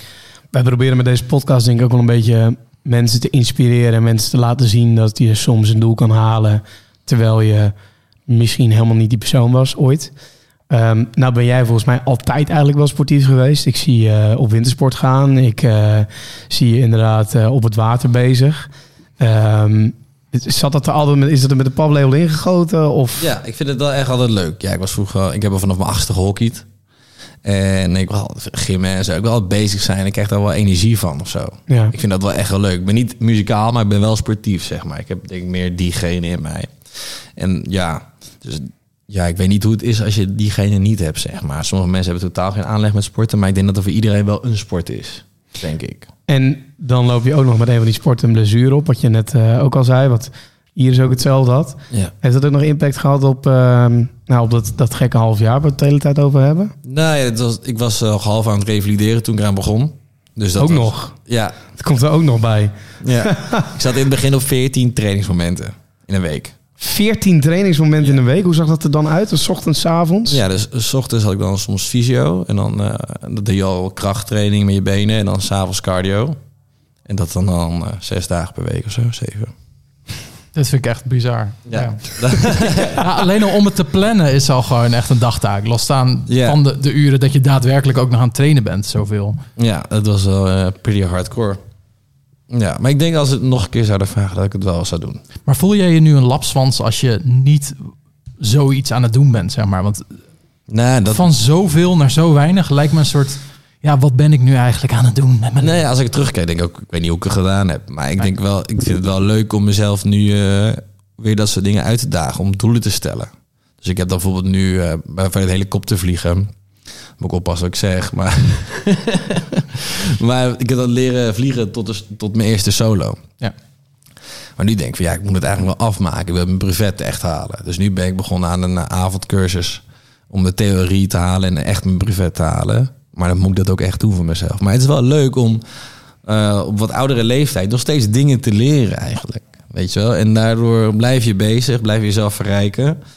En daardoor komen er weer nieuwe dingen. Ik denk, als je stil zit, dan gebeurt er inderdaad niks. Maar als je gewoon dingen blijft proberen, dan komen er steeds meer nieuwe dingen op je pad. En dat vind ik wel heel leuk. Was dat wat je eigenlijk wilde vragen net? Want je begon de vraag eigenlijk van... ja, we maken deze podcast om mensen te inspireren. En toen kwam er niet echt een vraag daarover... maar meer gewoon van, hey, deed je veel aan sport? Maar Nou, omdat dat het voor, ehm, denk ik, eh, de normale luisteraar als een soort van onmogelijk wordt gezien wat mensen hier behalen. Zeg maar Thomas, de cover bij Mensheld. Nou, Nick Schilder, de cover bij Mensheld. Joe Beuker, die we binnenkort spreken weer over ja, andere extreme dingen. methodes allemaal. Allemaal heel extreem. Maar ehm, daar kan iedereen weer voor zichzelf iets uithalen wat voor hun ook haalbaar is. Ja, snap je wat ik bedoel? Ik maar een beetje vaag uitgelegd. Maar, Begin met, met kleine doelen. ja, maar dat is het. We gaan gewoon een keer hardlopen. Kijk hoe ver je komt. En stel daarna je doel bij. Van oké, ik ga nu 4 kilometer. Oké, ik ga nu 5 kilometer. Oké, ik wil nu 5 kilometer in een bepaalde tijd. Weet je wel? Op die manier daag je zelfs elke klein beetje uit. En opeens kom je veel verder dan je bent. En dan opeens kom je bij een hardloopgroepje terecht. Weet je wel? Of eh, weet je wel, oké, als doel dit jaar, ik hoef daar dit jaar 100 kilo benchpress. Nou, dan ga je naar dat doel toe bouwen. Weet je wel? Of, of ik wil zoveel squatten. En dan heb je wel, ben je ergens mee bezig. En omdat je bezig bent, komen er nieuwe dingen. Zo werkt het volgens mij echt. Nou, en, dat, en exact hoe jij nu uitlegt. eh, doordat ik ooit ben gaan sporten, zit ik nu met Martin en met jou te lullen, weet je Ja. wel. Doe weer heel wat anders. Eh, jij hebt het net over je helikopterbuffet. Dat, dat komt allemaal samen. Uit, uit dat soort dingen ontstaan steeds weer nieuwe, nieuwe levenslessen, nieuwe dingen die je gaat doen, die je gaat ontdekken. Dus sport kan zoveel meer betekenen dan alleen fitter worden. Maar ook mentaal fitter worden. Ja, en, en als je kijkt naar mentaal, zeg maar, als jij. Nou, nu zijn we een jaar verder, denk ik. Inmiddels Is het al sinds zo? dat je begon of niet? Gaat de tijd zo snel? ja, ja, in januari, februari vorig jaar. Zo. Ja. Hoe, hoe sta jij er nu mentaal in? Heb je, heeft het je mentaal ook sterker gemaakt? Ja, wel veel bewuster. En je- over dat ritme heb ik dan dingen geleerd. Ja. Dus nee, zeker. En eh, ja, je komt ook wel met nieuwe mensen in contact. En mentale ben je ook wel eh, sterker inderdaad. Het is ook wel goed voor je zelfvertrouwen, dat, ja, dat hele traject. Ja, zeker. En qua doelen in het leven, behalve dan de kleine doelen met de helikopterbuffet willen halen nu. Ehm, ik vind, ja, ik, Ik, ik zie jou lachen. Je denkt, wat een kutvraag. weet ik helemaal nee, niet. vraagt, waar sta je er over vijf jaar? Dat weet ik nooit. En dat wil ik eigenlijk ook niet weten. Nee, maar dat is ook een antwoord. Ja, ja. Dus ik vind het hele avontuur aangaan en dan eh, zien we het wel. Natuurlijk wel bepaalde ideeën en dingen die ik leuk vind. Maar het is ook wel gewoon leuk om lekker even te kijken wat op mijn pad komt. En dan kijken wat, wat wordt het volgende doel wat ik ga omarmen. Dat heb jij ook wel toch, Martin. Als ik jou ook iedere keer hoor, jij bent ook weer de hele tijd bezig met nieuwe, nieuwe dingen, nieuwe dingen leren. Ja, het is, altijd wel, het is altijd wel casual totdat ik grip krijg. Dus het voelt een beetje als een soort, eh, stel je gaat een slipcursus op ijs doen, dan glij je zo een beetje ergens weg. En ineens heb je grip en dan pas kun je het stuur omgooien. Zo werkt het bij eh, ijsles. Ehm, en datzelfde heb ik met challenges. Dus ik kan nu met jullie hier praten en denk, oh ja, dat klinkt wel lachen, marathon. Maar dan ben ik ook all in. Dan heb ik het broekje, de shirtjes, de schoenen, de horloge, de voeding. Eh, Dan praat ik ineens met allemaal hardloop-experts. En dan heb ik een schema. Zo gaat het dan bij mij. Dus heel casual. En dan paf, Ja. all in. En, en dat gaat dan wel van sprong naar sprong. Gelukkig wordt het bij mij niet telkens extremer. Dus ehm, we hebben binnenkort een gesprek bijvoorbeeld eh, met Joël Beukers. En dan ben ik bijvoorbeeld benieuwd... hoe ga je om met dat dingen altijd extremer moeten? En dan ineens wordt je auto nog extremer... en je lichaam moet nog extremer. Ik ben blij dat ik dat niet heb met mijn lichaam. Dat ik gewoon denk, ik wil kijken hoe het is om nu eh, rugby te doen. Een paar weken. Wat doet dat met me? Wat doet het om een jaar te crossfitten? Wat doet het als ik 200 kilo heb gedeadlift? Zeg maar zulke soort dingen. Maar het blijft allemaal wel op een wel hoog niveau, maar niet extremer, extremer, extremer. En als ik dat zou hebben, dan zou ik eigenlijk een beetje bij mezelf gaan krabben van... gaat het eigenlijk wel goed met me als ik mezelf zo hard in het diepe wil gooien... dat ik echt totaal van de wereld ben qua doelen, dan denk ik dat ik, eh, dat ik eigenlijk iets anders zou moeten doen dan me op dat doel storten. Ja, dan blijven altijd nieuwe dingen. En ik heb eigenlijk ook vroeger echt jaloers maken naar van die eh extreem sportgasten gekeken. Die zag ik dan. X-Games. Ja, dat soort dingen zo, wow, dat is vet, dat is vet. Dus op een had ik mezelf eh, uitgedaagd, oké, ik wil leren parachute springen. Ik heb dat twee keer gedaan. En toen eh, kwam ik via via met iemand in contact, die was, zat een beetje in die wereld. Nou, ik die cursus gedaan, leren parachute springen. Dus ja, daarna zei ik, oké, dan wil ik dit jaar weer iets anders leren. Ja. Toen zei ik, nou, ik wil leren kiten. Nou, daar een serie over gemaakt, leren kitesurfen. Opeens zegt iedereen, wat doe jij nou? Je doet snowboarden, kiten en parachute springen. ik zei, oh ja, dat doen die gasten waar ik vroeger ook al naar keek. dus als je, maar als je gewoon stap voor stap elk jaar zo iets uitkiest... en dit jaar is dan voor mij helikoptervliegen... Mhm. dan kom je elke keer stap voor stap dichterbij. Maar en het- opeens denkt iedereen, "Huh, wat doe jij allemaal? Maar je hebt wel, dat hebben we de afgelopen zeven jaar gedaan, zeg maar. Maar is het nou ook, stel je voor je luistert dit en je hebt eigenlijk helemaal geen doelen. Ben je dan slecht bezig? Ben je dan een minder mens? Zeg maar, is Ja. gewoon oprechte vraag. Nee, nee. Hoe, hoe is het voor mensen die geen doelen hebben? Al, zeg maar, als ik mijn, eh, mijn, mijn vriendin spreek van, nou, wat zijn je doelen qua? Die, die traint niet per se altijd met een doel, maar die vindt trainen wel lekker. Eh, en wij praten natuurlijk best wel veel met mensen, en wij zijn zelf ook zo, die heel erg van doel naar doel leven. Ja. Is dat erg als je dat niet hebt? Nee, ik denk dat je ook gewoon heel gelukkig en kan genieten van eh, andere dingen in het leven. Alleen sommige mensen halen hier energie uit, zeg maar. En er zijn ook mensen die eh, van andere dingen heel, heel blij worden. Van dieren of van dat soort dingen, weet je wel. Heb ik dan weer... Je had zoveel dingen kunnen. Van dieren. Ja, dat heb ik dan Ja, weer minder. Ja. Steven Ja. wordt gek van planten, weet je wel. Maar ik denk ook wel dat, dat, dat ligt, het ligt er ook heel erg aan hoeveel waarde jij aan het woord doel hecht, toch? Als, als jij sport, aan het sporten bent en je vindt het alleen maar lekker en je hebt daar geen doel mee, Mhm. dan is dat ook al een doel aan zich.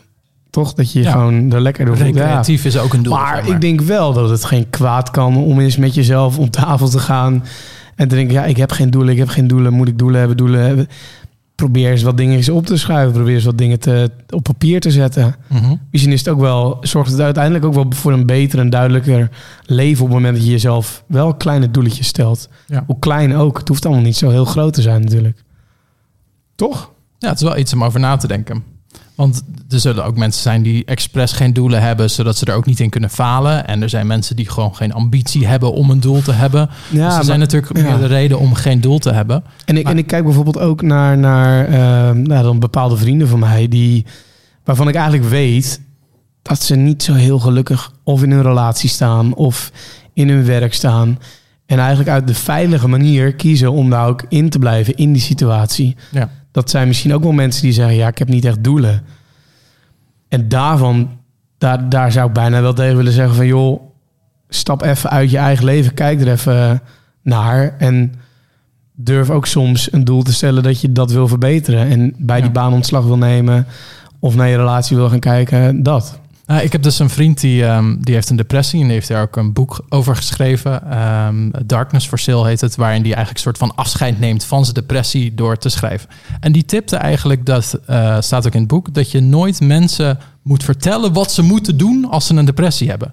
Dus wat hij vaak kreeg als tip van ja, en als je je verdrietig voelt, moet je gewoon even gaan hardlopen. Dat helpt man. Of ja, je moet gewoon even je huis opruimen. Maar juist die dingen en nog veel meer dingen lukken dus niet als je, en dit is dan een extremer geval, een depressie hebt. Maar mijn brein werkt dus precies zoals jouw brein. Als ik iemand zie die niet helemaal lekker voelt of niet helemaal lekker gaat, dan denk ik, ja man, ga gewoon even bankdrukken.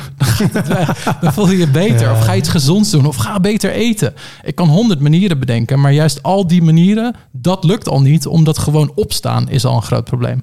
Dus ik, ja, ik vond dat een heel mooi ding van dat boekje, omdat ik ook altijd in tips denk. Nu geef ik een tip over het niet geven van tips.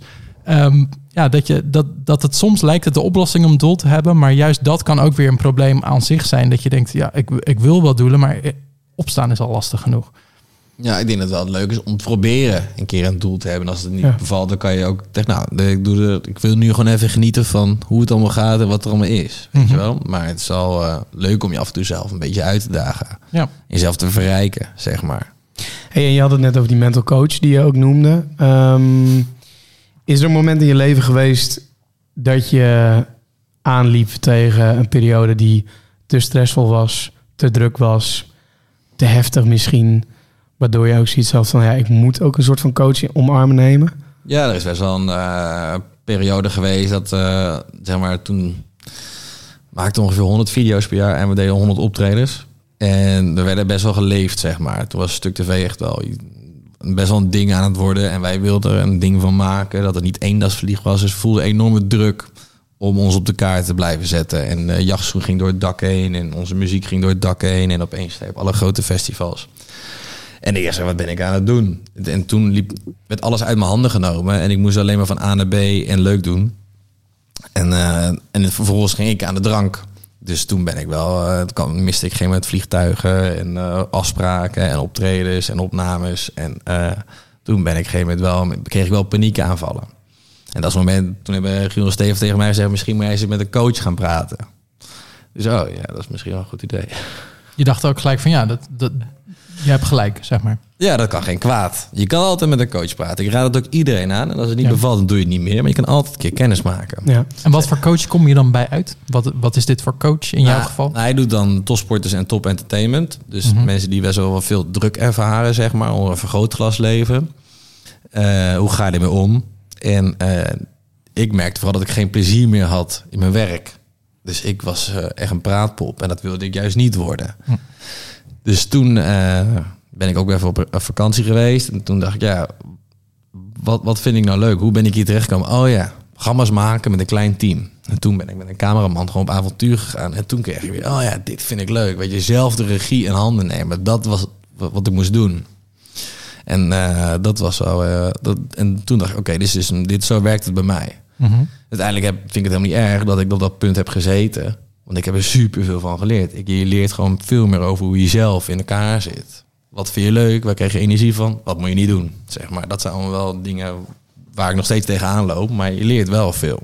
En zo iemand spiegelt dan gewoon even jouw woorden met je of zo? Wat, wat gebeurt er in een sessie met een coach? Eh, ja, ik noem gewoon op waar ik allemaal mee bezig ben. Mhm. En dan zegt hij van nou, die, dit, dat moet je even laten gaan. En hier en hier moet je even focussen. Oké.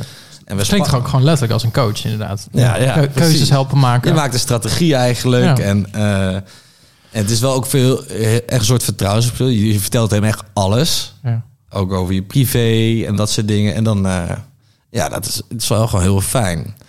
Want op dat moment, weinig mensen snapten wat, we toen, wat ik toen meemaakte. Ik kon niet bij mijn familie terecht. Ik kon ook niet bij mijn vrienden terecht. Want die wisten allemaal niet wat we aan het doen waren. Er was, dit wat we aan het doen waren, was ook nog nooit gebeurd. Er waren nog nooit YouTubers geweest. Die zoveel miljoen abonnees, zoveel views. En opeens optredens. En opeens met een helikopter door het land, noem maar op. En iedereen dacht, wat zijn deze gasten aan het doen? Er was ook geen management met begeleiding toen. Dus wij deden ook alles zelf. Maar niemand wist wat we aan het doen waren. En wij zelf ook niet. We, waren, we gingen maar. Wij gingen, eh, die trein ging knijhard, knijthard. En niemand wist hoe we moesten sturen, wat we aan het doen. Dus dan is het heel moeilijk om de regie in handen te houden.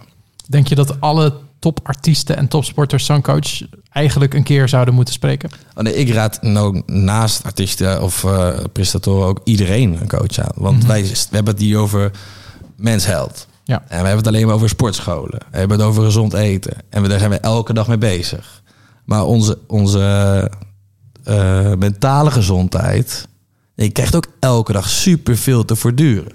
Ik denk dat dat bijna belangrijk is dan onze lichamelijke gezondheid, zeg maar. Je moet ook, eh, waar, dus waarom niet te heel veel sparren over je, over je, over je, over je, Mentale kwesties. je mentale kwesties? Ja. We krijgen zoveel prikkels van social media en radio, muziek, mensen op straat. Dat moet je ook kwijt. Je moet ook je, je mentale gezondheid trainen. Volgens mij hoor jij jouw eigen woorden van het intro. Waar, eh, Thomas was er Ja. zelf niet bij, maar we hebben dat van tevoren opgenomen. Ja. Letterlijk deze Ja, woorden ja. heb Nou, ja. op jouw eigen manier heel mooi herhaald eigenlijk. Oh, ja. Nou ja, maar, maar, maar kort eh, verteld, ik, ik heb in dit intro verteld dat ik ben nu ook in, in een traject bezig. Praktijkondersteuner, weet je wel, GGZ, psychologie. Dat om ook, ook te en wat jij net zei over dat weten dat je iets doet wat je eigenlijk fantastisch zou moeten vinden, maar waar je plezier in verloren bent en je weet niet waarom of waar het in zit. En dan zelfs denken van, ja, misschien vind ik dit gewoon ook allemaal wel helemaal niet meer leuk. Moet ik hier gewoon mee stoppen? Uh, maar toch in basis weten dat het eigenlijk niet zo is, daar zit ik middenin. Compleet, middenin. Volledig. En ik denk inderdaad dat dat het moment is waarop je inderdaad wat jij gedaan hebt, moet gaan praten met mensen. En moet gewoon een, een weg moet gaan zien te vinden die je zelf even niet kan, eh, kan vinden. Ja, maar het is ook, ik vind, aan de ene kant is het meest logische toch wat er is. Met, met onze fysieke gezondheid zijn we elke dag bezig, met onze mentale gezondheid eigenlijk niet. Nee. En dat is, dat is eigenlijk heel krom. Ik krijg zoveel prikkels elke dag te verwerken. En eh, verschillende soorten media ook. Hè. Je wordt zo gemanipuleerd. Je moet het allemaal wel kunnen reflecteren in een bepaalde context kunnen praten. En, en kunnen, weer op de vlakte kunnen komen. Want als jij op social media kijkt, zien die mensen er heel anders uit als je naar buiten kijkt. Weet je wel? Dus, en je gaat jezelf spiegelen met wat je constant ziet. Dus je gaat jezelf tussen andere mensen plaatsen. Terwijl dat, dat moet je eigenlijk helemaal niet doen. Dus ja, ik vind dat wel... eh, Zeker natuurlijk in deze tijd je ga je, zit je veel meer op je telefoon, je zit veel meer op het internet. Maar dat is wel een hele andere wereld dan de realiteit eigenlijk waar we in zitten. En dat vind ik wel eh, bizar. Je moet het wel eh, ja, kunnen relativeren. Mhm. En ik denk ook wel dat een, een, een basis daarvan, wat jij net zelf omschrijft, wat ik zelf nu ook beaam bij mezelf, is dat ook je hebt van je hobby je werk gemaakt. En dat wordt op een gegeven moment allemaal net met te veel verwachtingen, misschien met te veel druk, met te veel dat, waardoor je die liefde ineens kwijtraakt. Voel je wat ik, eh, snap je wat ik bedoel? Ja, ja. Niemand weet wat je bedoelt, Jordi. Nee, maar ik ben, nee, maar ik ben ook wel benieuwd of dat, dat bij jou speelt. Want ik wil het ook een beetje spiegelen naar eh, mensen die niet in de media werken of niet bezig zijn met entertainment. Dat ik denk dat dat, dat ook gelijkenis heeft. Iedereen denkt wel eens van, oh is dit het dan? Ja. Ja, je? Fulltime job, auto, kind, vrouw. Nou, heb je het helemaal voor elkaar. Ja. Je bent niet happy. Weet je wel? Dus wat is dat dan? Weet je wel? Heb je hier dan altijd naartoe gewerkt? Weet je wel? Maar op een gegeven zei mijn coach dus van... Nee, het is helemaal niet erg om even rustig aan te doen. Weet je wel? Ik, ik was, was eh, het eerste half jaar van vorig jaar. Nou, toen was het best wel stil rond mij, rond mij. En ik zei, ja, ik moet misschien weer iets doen waardoor ik in de aandacht kom. Waardoor ik in de picture kom. Hij is relaxed. Komt wel. Weet je wel, even tranquilo. En zie dat het tweede half jaar voor mij heel goed heeft uitgepakt. Dus je moet af en toe je rust kunnen nemen. Je moet af en toe gewoon... eh, je hoeft niet altijd te vlammen. En ik denk dat het met, met andere vakken ook zo is, weet je wel. Je hoeft niet altijd happy te zijn. Dat moment komt wel weer. Het is wel leuk om iets te creëren voor jezelf naar uit te kijken. Dat kan een vakantie zijn, dat kan een andere uitdaging zijn. Maar ehm, het is natuurlijk een illusie dat je altijd gelukkig moet zijn, denk ik. Nou, daar, daar is volgens mij ook zo'n boekje over. En daar gaat erover dat als kind word je een beetje geleerd dat je altijd blij moet zijn. Dus als kind word je altijd gepamperd. Oh, je moet lachen, je moet blij zijn. Terwijl dat is eigenlijk best wel een grote disillusie als je later oud wordt of ouder. Dat het leven eigenlijk niet altijd leuk is. En dat je ook best wel even een periode inderdaad rustig aan mag doen. Of je even sip voelen. Een beetje die ups en downs van het leven ervaren. Maar als je die altijd probeert weg te halen of te overvlammen door andere dingen te doen, dan ja, dan kom je hem wel harder tegen, denk ik. Terwijl wat ik hier eigenlijk hoor is, yo, eh, ik merkte dingen, ik voelde dingen, ik was niet meer mezelf en ik heb het aangegrepen om er iets mee te doen. Zowel jij als jij, allebei hebben, hebben ja, dat goed opgevangen. Terwijl je had ook kunnen zeggen, weet je, ik ga gelijk door, nog een helikopter en nog meer dingen. En jij had ook kunnen zeggen, weet je, ik ga nog een avondprogramma doen en nog meer zooi erbij. En dan zou je er waarschijnlijk even vergeten dat je, je- dat je je zo voelde, omdat je druk bezig was met andere dingen. En nu klinkt het juist alsof jij straks op een koers zit waar het de goede kant op moet gaan. Nou, weet je wat ik knap vind aan het vak radio-dj? Ik besef wat, die gasten zijn altijd vrolijk. Bizar. Ik kan je één eh, dag omschrijven. Ehm, dat was de eerste dag waarop ik echt dacht van... Fuck man, wat heb ik eigenlijk kutwerk. Het, het, het is aanhalingstekens. Mijn relatie ging uit. Mijn vriendin trok het huis uit. Daar hadden we samen naartoe gewerkt. Beide, beide besloten. Geen gezeur, geen drama, niks. Maar het was gewoon even gewoon een fucking emotionele dag. Ik denk wel de meest emotionele dag die ik ooit in mijn leven gekend heb.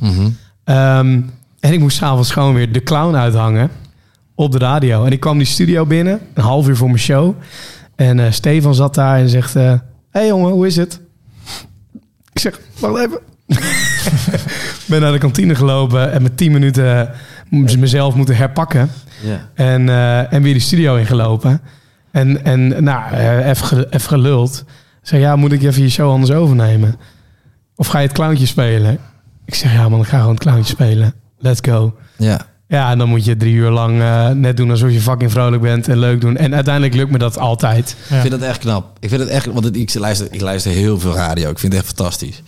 Maar ik denk af en toe, wauw, deze gasten staan gewoon elke dag aan. Elke En ook dag vroeg, hè? En elke dag vrolijk. Om half zes 's ochtends. En scherp. Ja, mij niet bellen, maar- En ik denk van, ja, dit, en het is live, hè. Het is niet zomaar even een filmpje maken en editen daarna. Het is, ik vind het echt... eh, Maar uiteindelijk doe jij toch niks anders. Ik bedoel, als jullie een video op gaan nemen en je hebt echt een kutdag, dan moet je daar toch ook gewoon ja, het clowntje spelen. en ik zeker. zeg clowntje heel overdreven, maar ik bedoel, een glimlach opzetten en net doen alsof er niks aan de hand is. ja, wij zijn dan vaak nog met z'n drieën.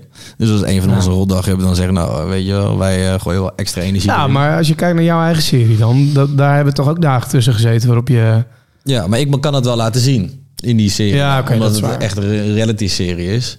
Maar ja, ik vind het aan het radiovak... eh, ik denk daar wel eens over na. Denk, Jeetje. Maar stel je voor, jij zet 's ochtends de radio aan om 7 uur en je hoort Jordi met zijn ochtendshow. Ja, En Jordi heeft gewoon een kutdag. ja het is wel... Ja. Het lijkt me ook wel weer Ik zou het een wel soort van mooi vinden. ontspannen. Van ja, jongens, weet je, Nou. hier komt gewoon een kutnummer. Want ja, deze heb ik even nodig. Deze is voor mij Guilty Pleasure. Ja, en ja. Ik denk dat hier is heel veel- Brian Adams. Ja. Ik denk dat heel veel mensen hebben, omdat ze toch wel graag iets Nou positiefs ja, willen co- horen. ik bedoel, collega Stefan, waar, die ik net, net nog noem trouwens, die, die staat er onbekend dat hij natuurlijk op de, op de radio eigenlijk een soort van gebarsten is.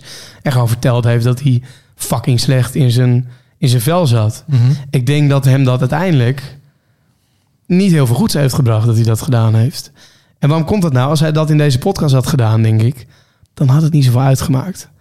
Dan zit je in een hele andere strekking. Maar als ik daar op de radio zit of hij zit daar op de radio, dan gaat het erom dat mensen naar je luisteren om even de waan van de dag te vergeten. Mhm. Even op de hoogte te zijn misschien van het nieuws. Even dat leuke, vrolijke liedje te horen. En die zitten daar helemaal niet te wachten op iemand die zijn levensverhaal deelt. Ook al is dat tegelijkertijd ook wel weer een beetje krom of raar. Maar ook wel weer begrijpelijk. Ja. Dat je eigenlijk de hele dag met mensen praat, maar nooit je verhaal kwijt kunt. Ja, ja, ja, soort van. Ook al zou ik het ook niet doen hoor. Ik bedoel, dat ik hier net vertel over eh, nou, wat me allemaal dwars zit of wat, et cetera. Of nou, dat moment van in die studio. Daar heb ik het diezelfde avond ook niet over gehad. Heb ik ook helemaal geen zin in. Nee, Maar daar heeft de luisteraar ook helemaal geen zin in. Wat heeft de luisteraar eraan? nee. En dit is met een ander doel, weet je wel. Je luistert mensen op een andere manier naar. Zitten hier heel anders in. Zitten hier misschien in om wat te leren of te begrijpen. Of een een metgezel te zoeken die er net zo in zit, weet je wel. Dus dat is, een heel, ja, dat is het verschil met radio. Het is een leuke mix van het zelf ook kwijtraken en iemand er iets mee geven, zeg maar. Ja, maar ik probeer het wel, ik probeer het wel steeds meer, meer toe te passen hoor, op de radio. Ik bedoel, de, de, de, de makkelijke keuze om altijd iemand te bellen met een leuk verhaal. Ja, dat is leuk en dat wil je ook zoveel mogelijk. Moet positief blijven. Maar ik heb laatst ook iemand gebeld die vier miskramen heeft gehad in één jaar. En die, eh, nou, wel eind goed al goed, nu wel eh, een, een goede echo had gehad, twaalf weken lang. Maar ja, dan heb je het ook even drie, vier minuten over hoe zwaar en kut het leven soms is. Mhm. En nou, daarvan hoop ik dan wel dat de luisteraar het ook waardeert. En dat merk je ook wel uit reacties. Ja. Maar ik denk dat die kant van het leven ook wel steeds meer belicht mag worden. Keeping Op it real. Ja, keeping it real. Ja, Ja. zeker. Ik vind het een goed gesprek, jongens. Nou, ik vind het helemaal kut. Nee, Ja, ik zou het voor, ja. voor, voor, voor mensen dat zou ik het ook wel eens interessant vinden om een keer naar, naar de eh, mentale gezondheid, weet je wel. Ja, maar dat is wel de juist ook Ja. met dit seizoen. Zeker na corona. Ik bedoel, toen ik Martin weer contact over zullen we het weer gaan doen... was denk ik ook ons grootste doel gewoon mentale health. Mental health. Ik, heb jij dat, krijg jij dat veel mee van, van mensen die jou volgen? Ik, ik weet niet, Ja, ik krijg heel, we krijgen, ik krijg ja, heel veel reacties. En, en eh, zijn dat dan die zijn heel veel jongeren ook? Omdat jullie in je doelgroep natuurlijk ook daarop... Ja, zeg maar, depressiviteit was al een groot probleem voor eh, de corona-shizzle. En ja, dat is natuurlijk alleen maar groter geworden. En met Ja. Rode Kruis eh, ben ik ook ambassadeur en daar doen we er ook veel aandacht aan besteden. Maar dat is een heel groot probleem tegenwoordig. Ja, en dan, dan moet je gewoon over praten. En ik krijg zoveel reacties van kids die of een rotdag hebben gehad en dan onze video's kijken en daar weer vrolijk van worden. Dus dat is heel tof. En ja, dat, dat is wel, eh, dat zijn leuke reacties. Maar het is echt een heel groot probleem. En wat is daar de oplossing van? Eh, le- leuke video's kijken, waardoor je vrolijk wordt. Ja. En eh, ja, gewoon eh, te genieten van de kleine dingetjes, weet je wel. Alles lijkt van zo zelfsprekend. Maar ik denk dat we ja, af en toe gewoon bewust moet zijn van hoe, hoe- wat je wel hebt. ja. Lijkt me lastig, man. Want als ik naar mijn eigen jeugd kijk... en jullie eh, kunnen ook, denk ik, terugkijken op een jeugd... die heel sociaal is geweest. Stel je nou voor dat je twee jaar van je studententijd in de coronapandemie, de eerste twee jaar, of überhaupt als kind zijn op de basisschool of middelbare school, ja, gewoon twee jaar gemist, man. Holy fuck. Dat gaat de impact op je hebben, dat kan niet anders. Ja, kijk Dat- naar, dat kijk naar mijn je- broertje, die is 21. En die, mocht drinken vanaf zijn 18e. Nou, toen ik die leeftijd had, stond ik echt vier keer per week in de kroeg. Ja, Heeft hij twee jaar niet kunnen doen. Maar die jongeren zijn altijd wel zo vindingrijk om gewoon zelf feesten te organiseren. Die zitten gewoon lekker bij elkaar thuis, weet je. Dus dat doen ze heus wel. En ze verzinnen wel leuke dingen. Maar ik kan me wel voorstellen dat het op andere fronten op sociaal gebeuren. Je moet je sociaal intelligentie ook ontwikkelen. Ja. Weet je wel? En dat staat wel redelijk stil. En ook eh, natuurlijk heel veel bedrijven werken thuis. Ga maar stage lopen. Ga maar een leukere stageplek zoeken. Dat is wel vrij essentieel. Een deel van je ontwikkeling en opleiding, denk ik. Dus ja, daarin gaat wel een- achterstand ontstaan. ja. Ik zou heel veel druk voelen om het alles extreem te compenseren. Als ik die, die generatie was geweest. Hoe bedoel je dan? Nou, als ik, als ik inderdaad eh, 18 was geworden en twee jaar niet mocht drinken. Zelfs al zou ik niet eens van drank houden, zou ik gewoon zo van nu mag het weer. Ja. Alles weer compenseren. Alles wat niet mag. eh, De wereld rondvliegen, zolang als het maar kan. Alles rekken. Vooral niet gaan studeren. Zo ben ik dan weer. Dat is ook niet goed. Nee. Dus ja, is een goede ik ben manier. blij dat ik... eh, ik ben juist door corona ben ik afgestudeerd. Dat is een van mijn successen in mijn leven. Ik was eh, 9,8 jaar student. En ik heb het gewoon nooit afgerond, omdat ik hier een baan kreeg en op mijn vorige werk bij Manners. En toen dacht ik, ja, dit is het mooie leven. Hier kan ik doen waar ik gelukkig van word. Die studie komt later wel. Ja. Ik heb gewoon jaar in, jaar uit altijd die stress gevoeld van die kutstudie die nog boven me zweefde. En juist door corona had ik de rust om het eens te doen. En je hebt nu iemand omgekocht. Om- kan ik niks over zeggen. Maar ik heb, nee, ja, ik heb gewoon mijn HBO-papiertje gehaald. Ja, En dat, was, dat was heel erg Lekker. Ja. Ehm, dus dat vond ik een heel positief iets aan corona. Terwijl de rest was het gewoon ellende en verdriet. Maar eh, dit is wel, eh, dat was mijn eh, happy momentje. Nou, mag ik ook nog één tip geven daarover? Dat heb ik al eens vaak tegen mensen gezegd. Ehm, pak even van die afgelopen twee jaar. Neem nou eens een keer de tijd. Dat is misschien een leuke, leuke Een huiswerkopdracht. Een opdracht. Nee, maar serieus. We hebben kuttijd achter de rug. En eh, we kunnen dat vaak genoeg zeggen. En kuttijd zeg ik alles in het algemeen. Maar schrijf nou eens even de hoogtepuntjes op van de afgelopen twee jaar. Want die zijn er ook genoeg geweest. En dat vergeten we allemaal door de situatie waarin we zitten. Maar ook al zijn ze klein, schrijf ze eens op en kijk daar eens op terug. Dat is ook een trucje die heel veel eh, mensen doen aan het eind van elke dag. Dus gewoon aan het eind van elke dag schrijf je de hoogtepunten op. Ja. Zodat je terug kan kijken op een leuk, leuke dag. En dat gevoel wat beter is. Maar doe dat dus gewoon van de afgelopen nou, jaar dan. Twee jaar COVID. Zullen wij de volgende aflevering beginnen met een eh, lijstje van dingen waar wij een goed gevoel van krijgen van Ja. de afgelopen twee jaar? Nou, ik denk bijvoorbeeld van omdat we minder feestjes hadden, minder uit eten gingen, had je, had je opeens wel tijd over om andere dingen dus te doen. Dus ik had de tijd over om uit te zoomen, plannen te maken voor lange termijn. eh, boeken te lezen, eh, documentaires te kijken. Dingen die ik normaal daarvoor niet zoveel deed, weet je wel. Dus ik heb me wel op andere vlakken heel erg ontwikkeld. En ik dacht van, daarna haal ik het allemaal wel weer in. Al die sociale verplichtingen en zo. En nu word ik, word ik er bijna moe van dat ik eh, drie verjaardag op één avond heb. En dat ga ik ook zeker niet meer doen. Ja. Dus tip voor iedereen, weet je wel. Tijdens COVID haal je eh helikopterbrevet. Ja. Ga voor die hele mensenhealth cover. eenvoudige, Het zijn eenvoudige dingen. gewoon punten die je heel makkelijk kan aanpakken gelijk. Autocoureur worden is Maar ook met zo een, eentje. met Of- een coach erbij, weet je, dan lukt alles. Ja. Eigenlijk heel simpel dit. Nee, dat is flauw. Maar, nee, maar er zijn eh, allerlei eh, verschillende Tuurlijk. dingen die je kan doen. Zeker, absoluut. Eh, Thomas, mogen we jou eh, heel erg bedanken voor eh, het afgelopen uur alweer. Ja, jullie bedankt dat ik hier te gast mocht zijn. Ja, En mocht je nou, eh, Thomas, wat meer willen zien, dan kun je eigenlijk de komende maanden eh, op, eh, waar is het te zien? Eh, de Bachelor op Videoland. Ja, wij kijken dat beide niet, hè? Maar dat komt ook... Ik, het, ik hoor al, alle vrouwen erover, die kijken het Ja, allemaal. het is echt een vrouwenprogramma. Ja. Ja. Ja. Maar het is fantastisch. Maar wel leuk dat je daar je ware liefde uiteindelijk ook gevonden hebt. Ja, daar gaan we dus niks over zeggen. Hey, thanks Thomas. En eh, nou, wellicht ooit nog weer tot de volgende keer. Ja, thanks. Jullie bedankt. En eh, dan is het voor ons nog even belangrijk om te zeggen dat je gewoon op de hoogte kan blijven van een nieuwe aflevering weer van de podcast. Iedere week komt hij gewoon online op Spotify, op alle andere podcastplatforms. Eh, je kan volgen, je kan reacties achterlaten, recensies. Doe dat ook vooral, vinden we leuk. En slide in onze DM's. Wat een huiswerkopdracht allemaal, Jordi. Niet normaal, hè? Maar slide in onze DM's als je vragen hebt, hè? Ja, alle vragen beantwoorden netjes en eh, komen ook gewoon aan bod in de afleveringen, mits ze een beetje relevant zijn. Dus eh, dat komt helemaal goed. Absoluut. Thanks.